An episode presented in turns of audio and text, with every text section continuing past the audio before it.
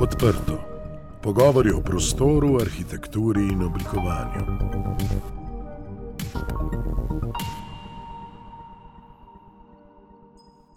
Pozdravljeni v podkastu Odprto. Z vami sem Lenka Kavčič. Že od osamosvojitve je slovenska stanovanska politika na točki mirovanja in vedno bolj zaskrbljujoča. Velikemu delu prebivalcev je težko ali skoraj nemogoče priti do domovanja, tako za najem kot za nakup. Na eni strani imamo študente, prekarne delavce in mlade družine, ki jim nizki ali neredni dohodki onemogočajo financiranje stanovanskega kredita na drugi pa starejše in vse tiste, ki živijo v prevelikih, nevzdrževanih ali tako in drugače za bivanje neprimernih stanovanjih. Stanovanski fond, ki večinoma izvira iz 60-ih let prejšnjega stoletja, postaja vse bolj neprimeren. 62% stanovanj je starejših od 40 let. Tudi 21% slovencev pravi, da živijo v vlažnih in plesnivih domovih, medtem ko si 8% prebivalcev ne more privoščiti ustreznega ogrevanja. V 78. členu Ustave Republike Slovenije pa je zapisano: Država ustvarja možnosti, da si državljani lahko pridobijo primerno stanovanje. Dostopnost do primernega domovanja je temeljna človekova pravica, ki predstavlja osnovo za dostojno življenje ter predpogoj za uveljavljanje vseh drugih temeljnih pravic. Menijo na Inštitutu za študije stanovanj in prostora, katerega soustanoviteljica je Maša Havlina, moja današnja sogovornica. Sistemizacija na državni ravni je ključna za celovito in uspešno reševanje stanovanske problematike vendar tudi nevladne organizacije, neformalne inicijative in angažirani posamezniki lahko aktivno in pomembno soprispevajo.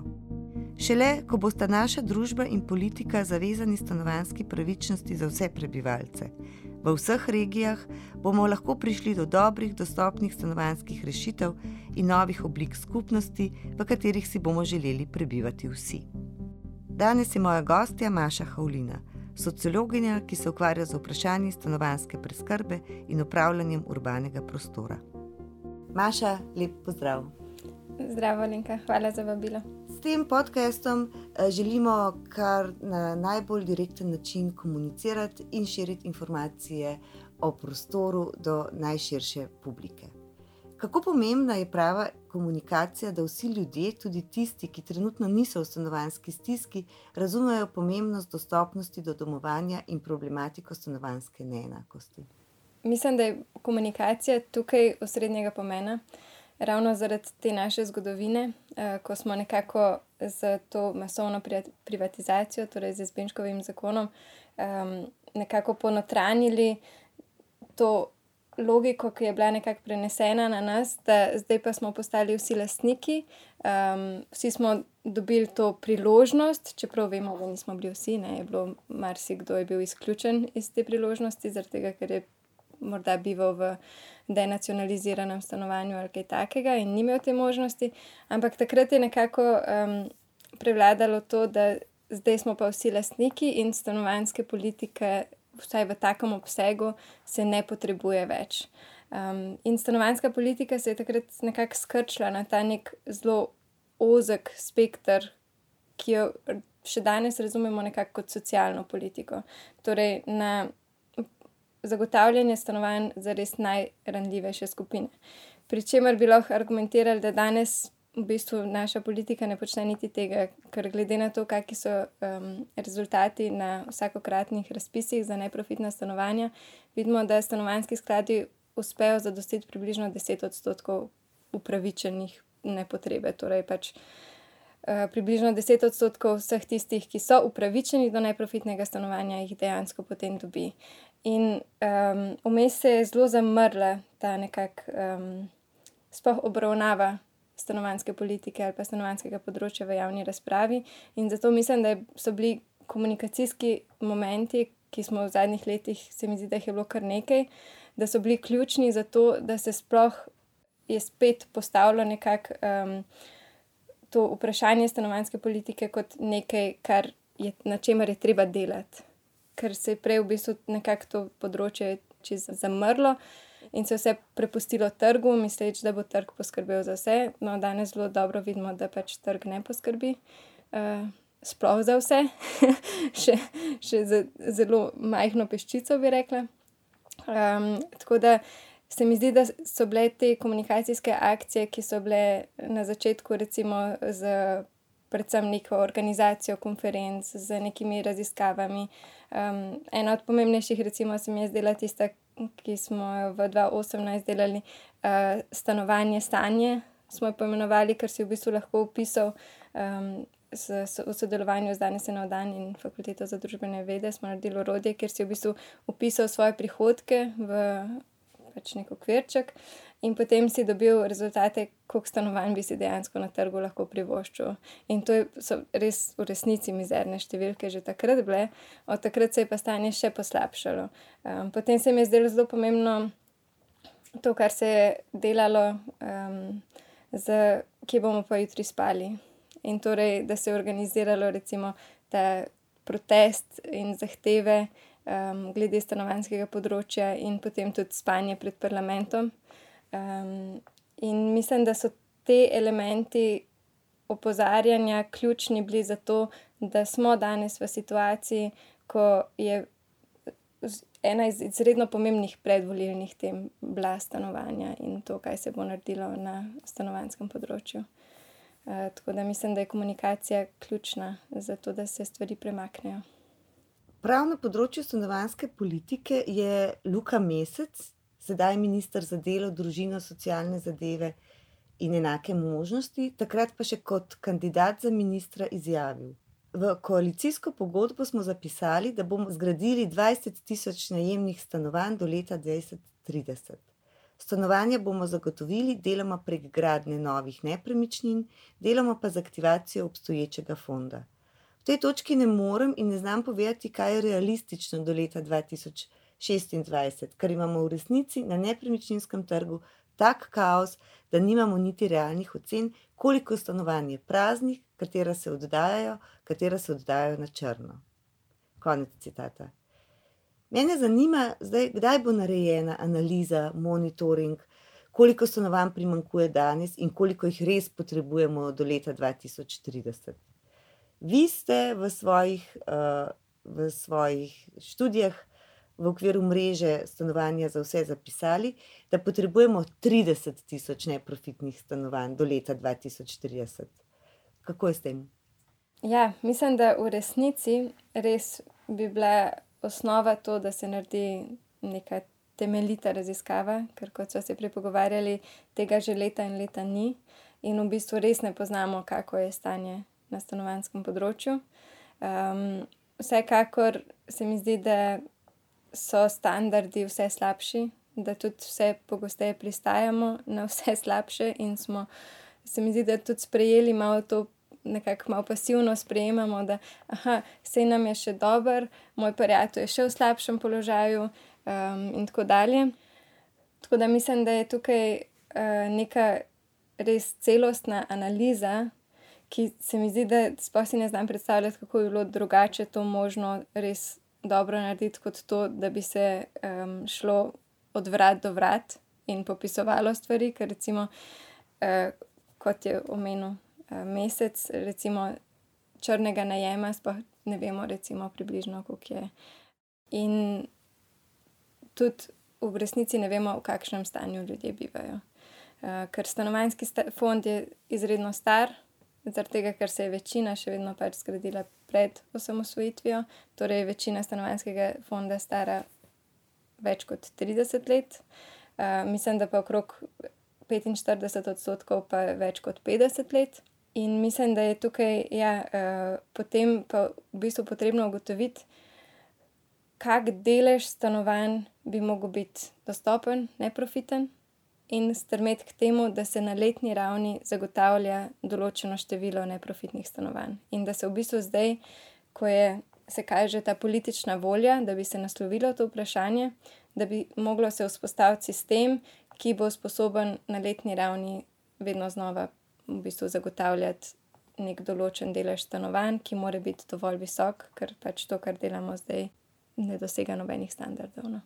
In zato pa je ključno, ne, seveda pa sistemski vir financiranja. In tudi ena od stvari, ki se kaže kot da bi lahko največ v bistvu uh, doprinesla k stanovanjskemu področju in urejanju področja, je progresivni nepremičninski davek, um, kar pomeni pač, da ne bi bila obdavčena vsako stanovanje, ki ga pač uporabljamo za življenje, ampak ne vem, tretja, četrta, peta nepremičnina, um, kar bi po eni strani lahko um, torej doprineslo ta izredno pomembna sredstva v državno blagajno, zato da se jih koristi za gradnjo neprofitnih stanovanj in obnovo.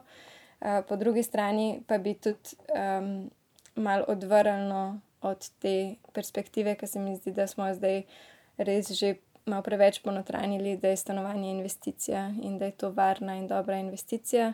Um, in mislim, da bi pač nepremičninski davek v tem pogledu malo odvrnil od tega in hkrati ustvarjal malo bolj pravično družbo. No si tudi soustanoviteljica Inštituta za študije stanovanj in prostora, uh, in v, skupaj z petimi drugimi nevladnimi organizacijami ste ustanovili mrežo stanovanja za vse. Ja, um, mrežo smo nekako ustanovili um, zato, ker se nam je takrat res tudi zdelo, še, da moramo skozi različne kanale postaviti stanovansko vprašanje spet nekako v središče javne razprave in sredi, kot, ga postaviti kot neko središčno politično vprašanje. Um, in zato smo se povezali v bistvu z Inštitutom za politike prostora, ki je zelo dejaven na tem področju že kar nekaj časa in ima res um, dobro razumevanje in upogled v. In v politiko in v pač sistemsko raven in v prostorsko raven in kako se ena prevaja v drugo. Um, in pa potem smo se povezali tudi s Pino, um, ki se je nekako uveljavila kot strokovnjak za participativne procese, kar se nam zdi tukaj tudi ključno. Uh, ravno to, da v bistvu ne poznamo več za res potreb ljudi um, in da je treba te vključevati v tudi v procese načrtovanja in gradnje stanovanske preskrbe, um, da se tukaj mora ukrepiti tudi glas ljudi in ne samo, da um, mi predvidevamo, kaj je najboljše za njih in ali pa kaj je najbolj ceneje zgraditi in pač jim to ponudimo. Um, hkrati pa um, je. V bistvu bil, bila podpora tudi zraven Zavoda PIP iz Maribora, uh, ki se je nekako pravno uh, ne bi pomagal nam razumeti uh, stvari. Um, in pa podpora oziroma sodelovanje še zavoda Vanta Largo, ki pa se v bistvu specifično ukvarja z komuniciranjem družbene problematike. Uh, tako da to zavezništvo nam je zdelo pomembno, zato da lahko um, v bistvu naredimo stanovansko problematiko še bolj vidno in bolj, bolje skupaj razdelamo nekatere stvari pred osamosvojitvijo uh, smo poznali stanovanske zadruge. Uh, tudi vaša mreža za vse je dala več pobud uh, o ustanovitvi novih stanovanskih zadrug. Pa me zanima, uh, koliko javnost sploh pozna in razume osnovna načela delovanja sodobne najemne stanovanske zadruge. Mislim, da je težko odgovoriti, koliko.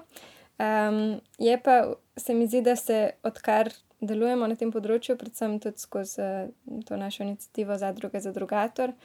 V 2016 smo prvo tako večjo mednarodno konferenco organizirali, ko je, smo imeli v bistvu kar nekaj mednarodnih gostov, ki so zelo lepo predstavili in zelo plastično v bistvu zadruge kot res neko sodoben odgovor na uh, stanovansko vprašanje, ki zelo dobro funkcionira, marsikje v tujini. Um, in kar pa se so recimo spodbudni podatki, ker marsikdaj se še vedno pač srečujemo tudi z temi predsotki, da ja, zadruge so stvar preteklosti, so nekaj, kar je povezano s socializmom in zato slabo, um, da je to nekaj za revne, da je nekaj manj za to. Um, in pa tudi ta pomislek, ne, da to so neki hipi, ki hočejo skupaj živeti na neke nekonvencionalne načine. Um, Medtem ko pač sami, predvsem vidimo zadrugo kot orodje, kako skupaj priti do bolj kakovostnega odgovora na stanovansko vprašanje in to na bolj dostopen način.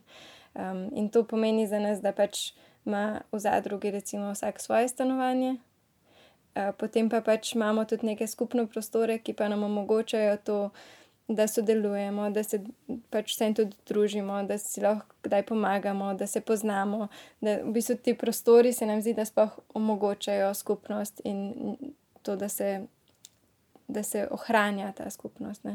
Um, in pa predvsem se nam zdi tudi zelo pomembna, pomemben ta vidik, ker gre za nek model, ki je v bistvu med najemom in lastništvom.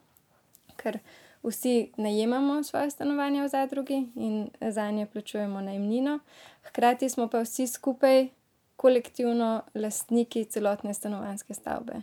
In torej smo mi tisti, ki odločamo, kaj se dogaja v, v, za to stavbo, kako se jo upravlja, oziroma smo mi tisti, ki jo upravljamo.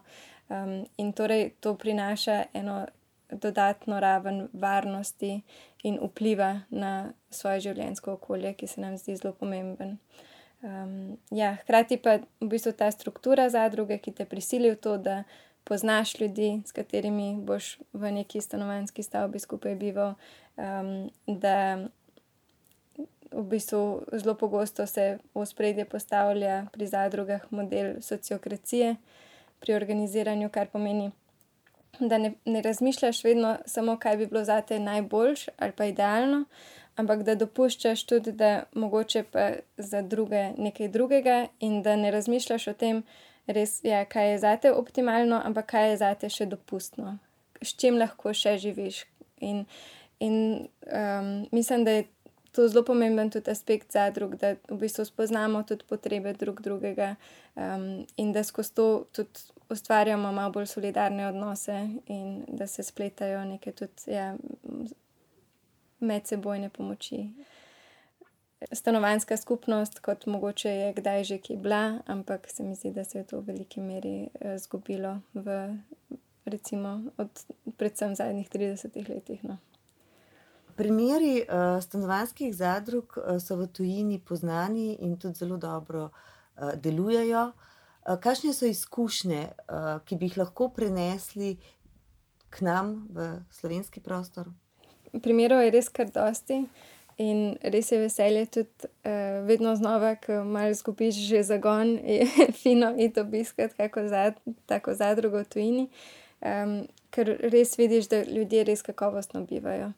Um, in kar je vsem še optimistično, se bom vsem še na prejšnjo vprašanje navezala, je, da smo v naši anketi v lanskem letu vprašanje za stanovanje se imenovala tudi preverjali v bistvu, koliko ljudi bi bilo zainteresirano za bivanje v nekem takem modelu. Uh, anketa je bila spletna, imeli smo približno 650 respondentov.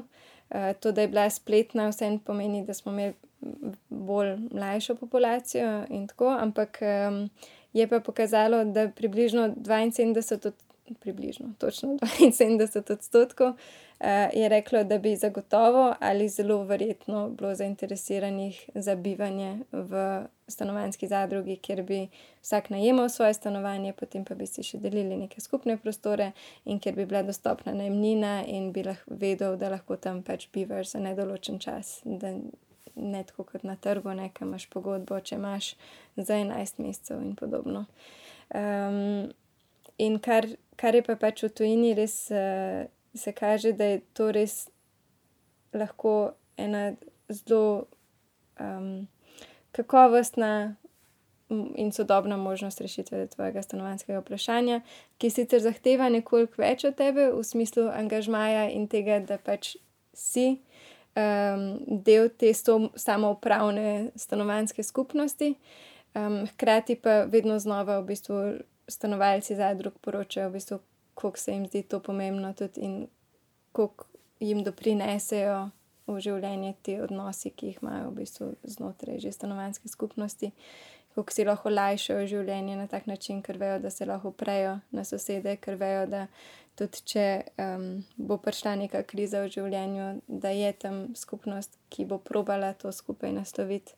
Uh, in to se je tudi v času COVID-a, v bistvu, marsikera študija je pokazala, da v času COVID-a so take skupnosti bile dosti bolj odporne in da so ljudje nekako to krizo dosti lažje prebrodili, če so imeli vse, vsaj neke male socialne stike tudi v, bistvu v svojem stanovanskem okolju. Um, Je pa vedno poudarjamo, ker nam je tako res spodbudno in optimistično, um, ta primer iz Barcelone. Uh, tam je v 2019 se uselili stanovalci v prvo novo stanovansko zadrugo Laborda, um, ki je poleg tega, da je res uh, arhitekturno krasno zastavljena, uh, iz lesene gradnje, z marsikaterimi tudi um, premisleki kako čim bolj trajnostno uh, zgraditi in tudi kako čim bolj trajnostno živeti. Um, je potem v bistvu mesto prepoznalo, da je to en model, ki ga je treba podpirati, um, in zdaj v bistvu na letni ravni več zemljišč ponudi za gradnjo stanovanjskih zadrug, ali pa tudi v bistvu nepremičnine za prenovo. In prilagoditev za uh, ja, ureditev stanovanjskih zadrug. Uh, Um, in torej od tistega enega projekta v letu 2019 je zdaj okrog 20 projektov že ali v fazi realizacije ali planiranja. Um, kar, mislim, mislim, da ene petih tako že stoji in biva, um, ja, še dosti več pa se jih načrtuje. Presenetljiv je tudi podatek, da je Švica zelo naklonjena najemnim stanovanjskim zadrugam, uh, predvsem kanton Cirih. Pa me zanima, katere so tiste pravne, oziroma ja, pravne osnove, da je to v določenem mestu sploh možno realizirati. V bistvu se kaže, da kjerkoli zadruge so kot tako pomembna dopolnitev ali pa pomembna um, možnost rešitve svojega stanovanjskega vprašanja, so podprte na nek način z nekimi javnimi mehanizmi. In tako kot sem rekla, v Barceloni, ne mesto, zdaj v bistvu oddaja za neke simbolične cene zemljišča, je tudi v Švici uh, pa institut, zelo pomemben institut stavbne pravice. Um, torej, mesto ima v lasti kar nekaj, javnih, kar nekaj zemljišč, um, ki jih potem v bistvu na podlagi razpisa um, podeli različnim organizacijam. In recimo tam reče, tukaj pa bi radi zgradili toliko in toliko stanovanj, Eh, pa mogoče reče še, pa zato, ker bo toliko novih stanovanj, ne bo še en vrtec. Uh, ta stanovanja morajo biti v rangu teh cen, uh, in potem se v bistvu zadruge lahko prijavijo in kandidirajo za zemljišče v bistvu na teh razpisih. Um, in na tak način ja, spodbujajo gradnjo stanovanjskih zadrug, hkrati pa, ker je tam imajo res že bogato zgodovino stanovanjskega zadružništva, imajo potem tudi recimo, možnost od mesta pridobiti določen del sredstev ali pa določen del povratnih sredstev. Tam potem, ko, se, ko je na nekem območju že dosti zadrug, ponavadi tudi zadruge ustvarijo nek svoj fond, ki tudi služi temu, da pomaga novim zadrugam. Um, in vse skupaj v bistvu naredi zadevo dosti bolj dostopno, ravno zaradi tega, ker zadruga še vedno potem, da se zgradi ali pa da se obnovi stavba, mora pridobiti kredit. Torej, en del sredstev pride od bodočih stanovalcev, temu rečemo samo odeležba. Samo odeležba je lahko od recimo 5 odstotkov, pa tam nekje do 20 odstotkov vrednosti stanovanja, v katerem boš bival. Um, in seveda je cilj vedno imeti čim nižjo to samo odeležbo, zato da narediš ta vstopni prag v zadrugo čim nižji. Um, Ja, potem je pa pač pomemben del vse en bančni kredit. In v bistvu vsaka zadruga um, teži k temu, da bi bil delež bančnega kredita čim nižji, da bi čim več sredstev dobila od druge, zaradi tega, ker je ta delež financiranja, bančni delež, najdražji, seveda. Um, tako da ja, je pa pomembno tudi, recimo, kar je tudi v Barceloni, kar pri nas še nimamo, je pa tudi razvit sistem etičnega bančništva, ki pomembno lahko prispeva k temu, da uh, so zadružna stanovanja bolj dostopna. V Sloveniji zaenkrat stanovanjskih zadrug še ni. V zadrugatorju razvijate prvo najemno stanovansko zadrugo in preverjate možnosti izvedbe pilotnega projekta na Rakovi Jelši. Ob mednjavi vlade je stanovanski zakon ostal v predalu, kar je obenem zaustavilo tudi razvoj tega pilotnega projekta. Kaj bi pomenila izvedba pilotnega projekta, za premik v tej smeri v Sloveniji? Mislim, da, bi lahko pilotni projekt res pokazal tako ljudem kot odločevalcem, da je to res neka dobra praksa, ki jo je treba in je smiselno spodbujati. Hkrati pa pač bi seveda rešil stanovanjsko vprašanje približno trideset gospodinjstev. in pa zadruge vedno tudi težijo k temu, da ne samo, da probajo naslavljati potrebe svojih članov in svojih stanovalcev, ampak da tudi gledajo, kako se umeščajo v neko sosesko, kaj mogoče v tisti soseski manjka, kako bi lahko mogoče z nekimi svojimi skupnostnimi prostori tudi naslovili neke potrebe, ki jih imajo lokalni stanovalci tam. In tudi na tak način, vzpostavljajo tudi neki premislek o tem, kako umeščati stanovanjske projekte v soseske. in kako, ja, narediti v bistvu vse skupaj nekako bolj koristno za vse, no. Stanovanjske zadruge, kot si že sama prej omenila, zelo kmalu, spodbudijo predsodke tipa: "To je hipi komuna." Se pravi, da je zaznana, zaznavamo v naši družbi ta, to nezaupanje oziroma morda celo strah, med mejo zasebnega, skupnega, kolektivnega, in, v tem se vidi, da je obdobje zadnjih tridesetih let, zelo razkrojilo družbo, skupnosti so, nepovezane, živimo zelo individualno in samozadostno. v anketi, ke ste jo delali, si omenila, da ste imeli predvsem mlajše, respondente. zaznavaš, meniš, da je odpor, do skupnosti povezan s predsodki izkušenj iz preteklosti, se pravi, da bi jih imela starejša generacija več ali manj? Kako je s temi predsodki? Jaz mislim, da je v bistvu dosti tega tudi, da, da ljudje mislijo, da samo hočejo svoj mir. In da se jim ne ljubi ukvarjati s tem, kaj bi drugi, in da je to ena velika kolobocija, ki pač si je ne želijo v svojem življenju. in da je sploh za starejše to, ko so, vem, že tako navajeni, vem, sami bivati ali pa imeti svojo veliko hišo in vrt in ne vem kaj. da je to včasih še težje se nekako, vživeti v to, kaj pa bi vseeno ta skupnost lahko dobrega prinesla v njihova življenja. ampak ja, mislim, da je na koncu koncev, ker zadruge spodbujajo to, torej spodbujajo to povezovanje, v vsakem primeru vedno moraš sodelovati vsaj do te mere, da se skupaj zmeniš neke določene stvari, kako se bodo, vem, razporedila stanovanja, kako se bodo pokrivali stroški, kake izvajalce boš najel, kaj se bo delalo samo in tako dalje. Modelov je približno toliko, kakor je različnih zadrug, tako da zadruga lahko pomeni res tudi samo to, da pač skupaj z združevanjem sredstev in skupnim najemom kredita in gradnjo ali pa prenovo lahko prideš bolj dostopno do stanovanja, potem pa so lahko ta stanovanja tudi čisto konvencionalna. In ja, lahko imamo pač zelo različne modele, tako da nič ni obvezno, vse je odvisno od tega, kaka skupina se formira in kaj je njim v interesu. Ampak kar pa se tiče mlajših, se mi zdi pa, da se počasi zavedamo v bistvu, da nam trg v bistvu ne daje nobene dobre rešitve stanovanjskega vprašanja. torej lastništvo je vse bolj nedostopno, poleg tega pa je, se je zanj treba ponavadi zakreditirati, kar je pač veliko breme.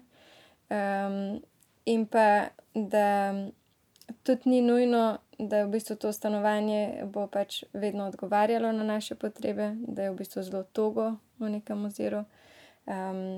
In da vseeno pogosto pozabimo, da tudi z lastništvom pride ogromno stroškov in da vzdrževanje nepremičnine ni majhen finančni zalogaj. In mislim, da pa mladi pa v bistvu iščejo samo dobro rešitev njihovega stanovanskega problema in da prepoznavajo, da to, kar pač zadruge ponujajo, in po eni strani ponud v bistvu nizek prag za vstop, uh, dostopno najemnino in pa varnost in stabilnost, ki pač je na najemnem trgu ne morejo dobiti. In da pa hkrati se mi zdi, da pa je vse več tudi mladih, ki si želi um, tudi malo več skupnosti ali pa malo več povezovanja.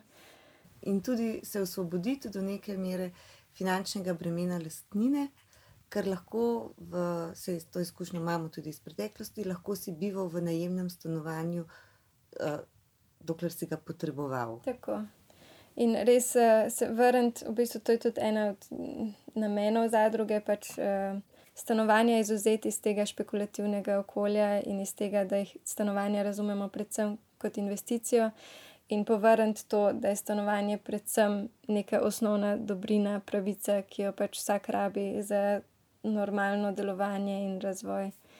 Um, in v povezavi s tem tudi mi vedno poudarjamo, da se nam zdi zelo narobe, da se stanovanska politika razume kot socialna politika, uh, ker mislimo, da bi se jo moglo razumeti kot osnovno razvojno politiko, ker je od tega, kako stanovanje odvis, imamo, odvisno tudi to, ali bomo zdravi, ali bomo dobro delali v šolah, ali bomo dobri v službah, torej lahko predvidevamo tudi nek gospodarski razvoj, koliko bomo pripravljeni riskirati, glede na to, koliko je tudi naša situacija stabilna, drugače v življenju. Um, in konec koncev, kako, kakšne interakcije bomo imeli v družbi. In tukaj vedno znova tudi povdarjamo, da pač um, stanovanska preskrba ni um, politično neutralna, ne? vse nosi neke ideološke elemente, ki vplivajo na nas tako ali drugače.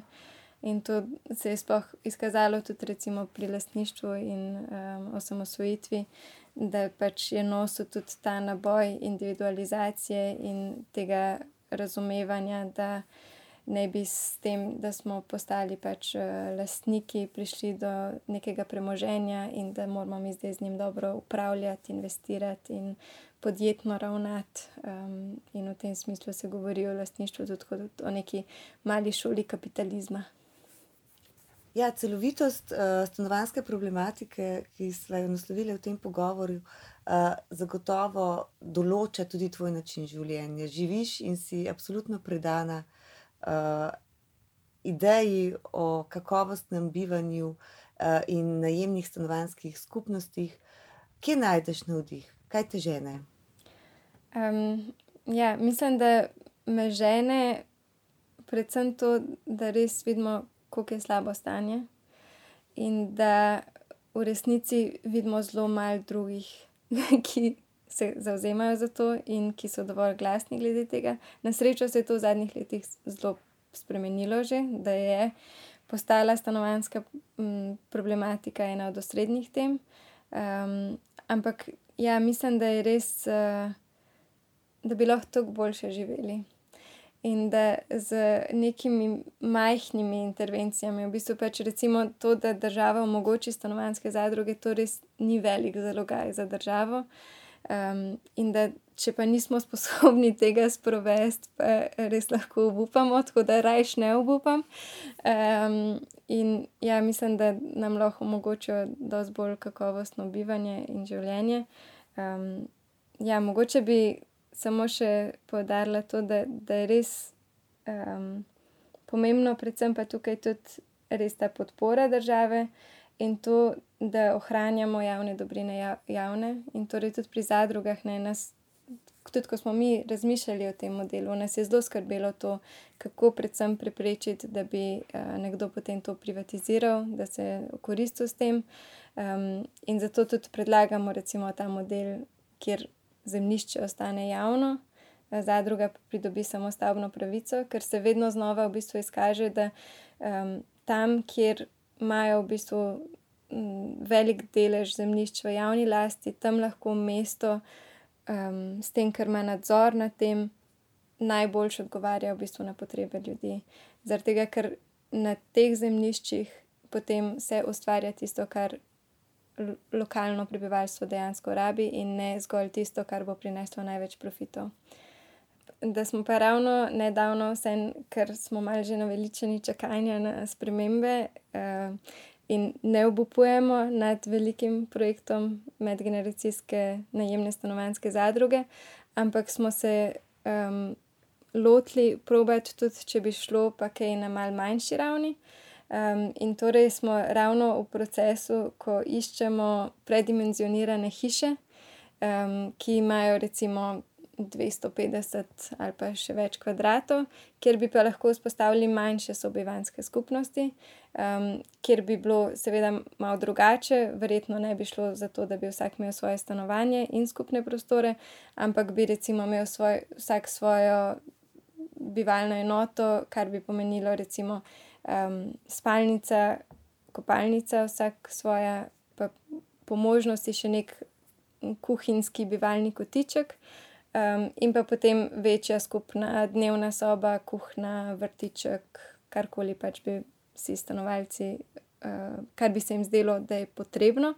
Um, in s tem projektom sicer nagovarjamo predvsem starejše, um, ker pač so nekako ponavadi najpogosteje tisti, ki sami bivajo, lahko so tudi pari. Um, in ker vidimo v bistvu res velik, kot velik problem tudi osamljenost. Um, in se nam zdi to ena dobra rešitev, uh, predvsem zato, tudi, da se ne rabiš skrčiti. Tako se mi zdi, da je ogromno starejšim ta strah od tega, da greš iz neke res eh, hiše, iz, kjer imaš ja, svoj vrt, kjer imaš svoj mir. Um, in ogromno prostora v neko oskrbovano stanovanje, ki ima 30 kvadratov in je samo to tvoj življenjski prostor. Tukaj se mi zdi, da. Mislim, se nam zdi, da lahko v bistvu ponudimo vse en več, da se ne rabiš toliko skrčiti. Sicer imaš individualno res približno enako prostora, recimo, kot bi imel v nekem oskrbovanem stanovanju, ampak ti v bistvu te skupni prostori vseeno omogočajo še toliko več. Um, in vse te neke vsakdanje interakcije, in to, da um, si vse sam krojiš ritem in rutino vsakdanjega življenja. Um, in ja, mislimo, da je to ena krasna rešitev lahko. Za starejše, ampak tudi ne samo starejše. Če bi se zbrala skupina medgeneracijska, bi bili prav tako veseli. Um, in mislimo, da je ja, potrebno začeti razmišljati tudi, kako aktivirati te predimenzionirane uh, stanovanske hiše, ki jih imamo vsem kar nekaj še iz naše zgodovine. Hvala, Maša. Hvala. Hvala za vse te konkretne pobude in spodbude. Uh, upam, da ste nas slišali. To je bil podcast Odprto. Poslušali ste podcast Odprto prvi slovenski podcast o arhitekturi, ki ga je pripravila ekipa OHS. Za akustično ugodje je skrbel studio Sonolab. Odprte hiše Slovenije se zauzemajo za dobro arhitekturo, ki je namenjena vsem ljudem. Prisluhnite nam vsakič, ko boste v prostoru želeli izvedeti več. Da smo lahko odprto spregovorili o prostoru, nam je svojo podporo omogočilo Ministrstvo za okolje in prostor.